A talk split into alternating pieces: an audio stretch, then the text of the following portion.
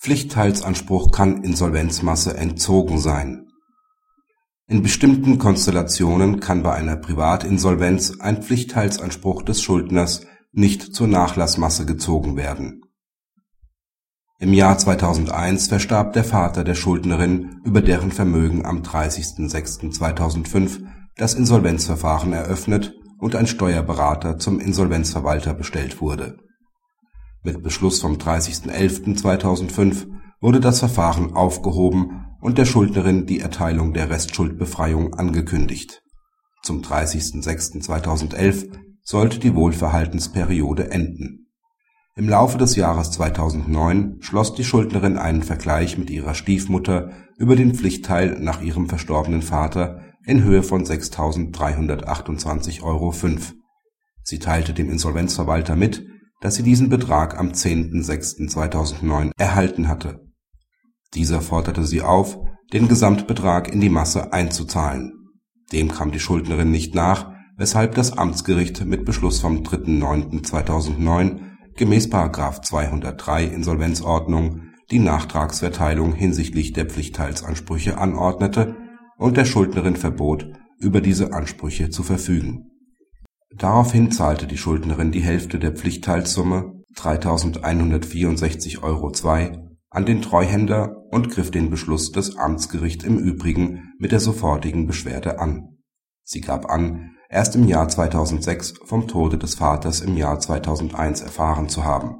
Außerdem könnten nur 50 Prozent des Pflichtteils zur Masse hinzugezogen werden. Die Beschwerdekammer gibt der sofortigen Beschwerde statt das LG verneint die Voraussetzungen des § 203 Absatz 1 Nr. 3 Insolvenzordnung, da die Nachtragsverteilung nur dann anzuordnen ist, wenn nach dem Schlusstermin Gegenstände ermittelt werden, welche zur Insolvenzmasse gehören. Hierzu ist nur dasjenige Vermögen zu rechnen, welches dem Schuldner zur Zeit der Eröffnung des Insolvenzverfahrens gehört und das er während des Verfahrens erlangt. Pflichtteilsansprüche werden nur dann Bestandteil der Masse wenn diese bei Verfahrenseröffnung anerkannt oder rechtshängig waren. Auch wenn der Pflichtteil bereits mit dem Erbteil entsteht, fällt er nur dann in die Insolvenzmasse, wenn er pfändbar ist. Die Pfändbarkeit entsteht erst, wenn der Pflichtteilsanspruch anerkannt oder rechtshängig ist. Als am 30.06.2005 das Insolvenzverfahren eröffnet und am 30.11.2005 beendet war fehlte es bei dem Pflichtteilsanspruch der Schuldnerin an einer Rechtshängigkeit bzw. an einem entsprechenden Anerkenntnis.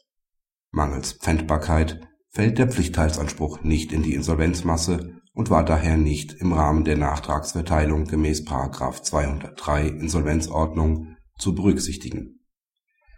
Die Schuldnerin machte erst im Jahr 2006, somit nach Abschluss des Insolvenzverfahrens, den Anspruch geltend die vom Amtsgericht am 3.9.2009 angeordnete Nachtragsverteilung war daher aufzuheben, wobei das LG Göttingen darauf hinweist, dass die Obliegenheitspflichten der Schuldnerin nach § 295 Absatz 1 Nr. 2 Insolvenzordnung von der Beschwerdeentscheidung unberührt bleiben.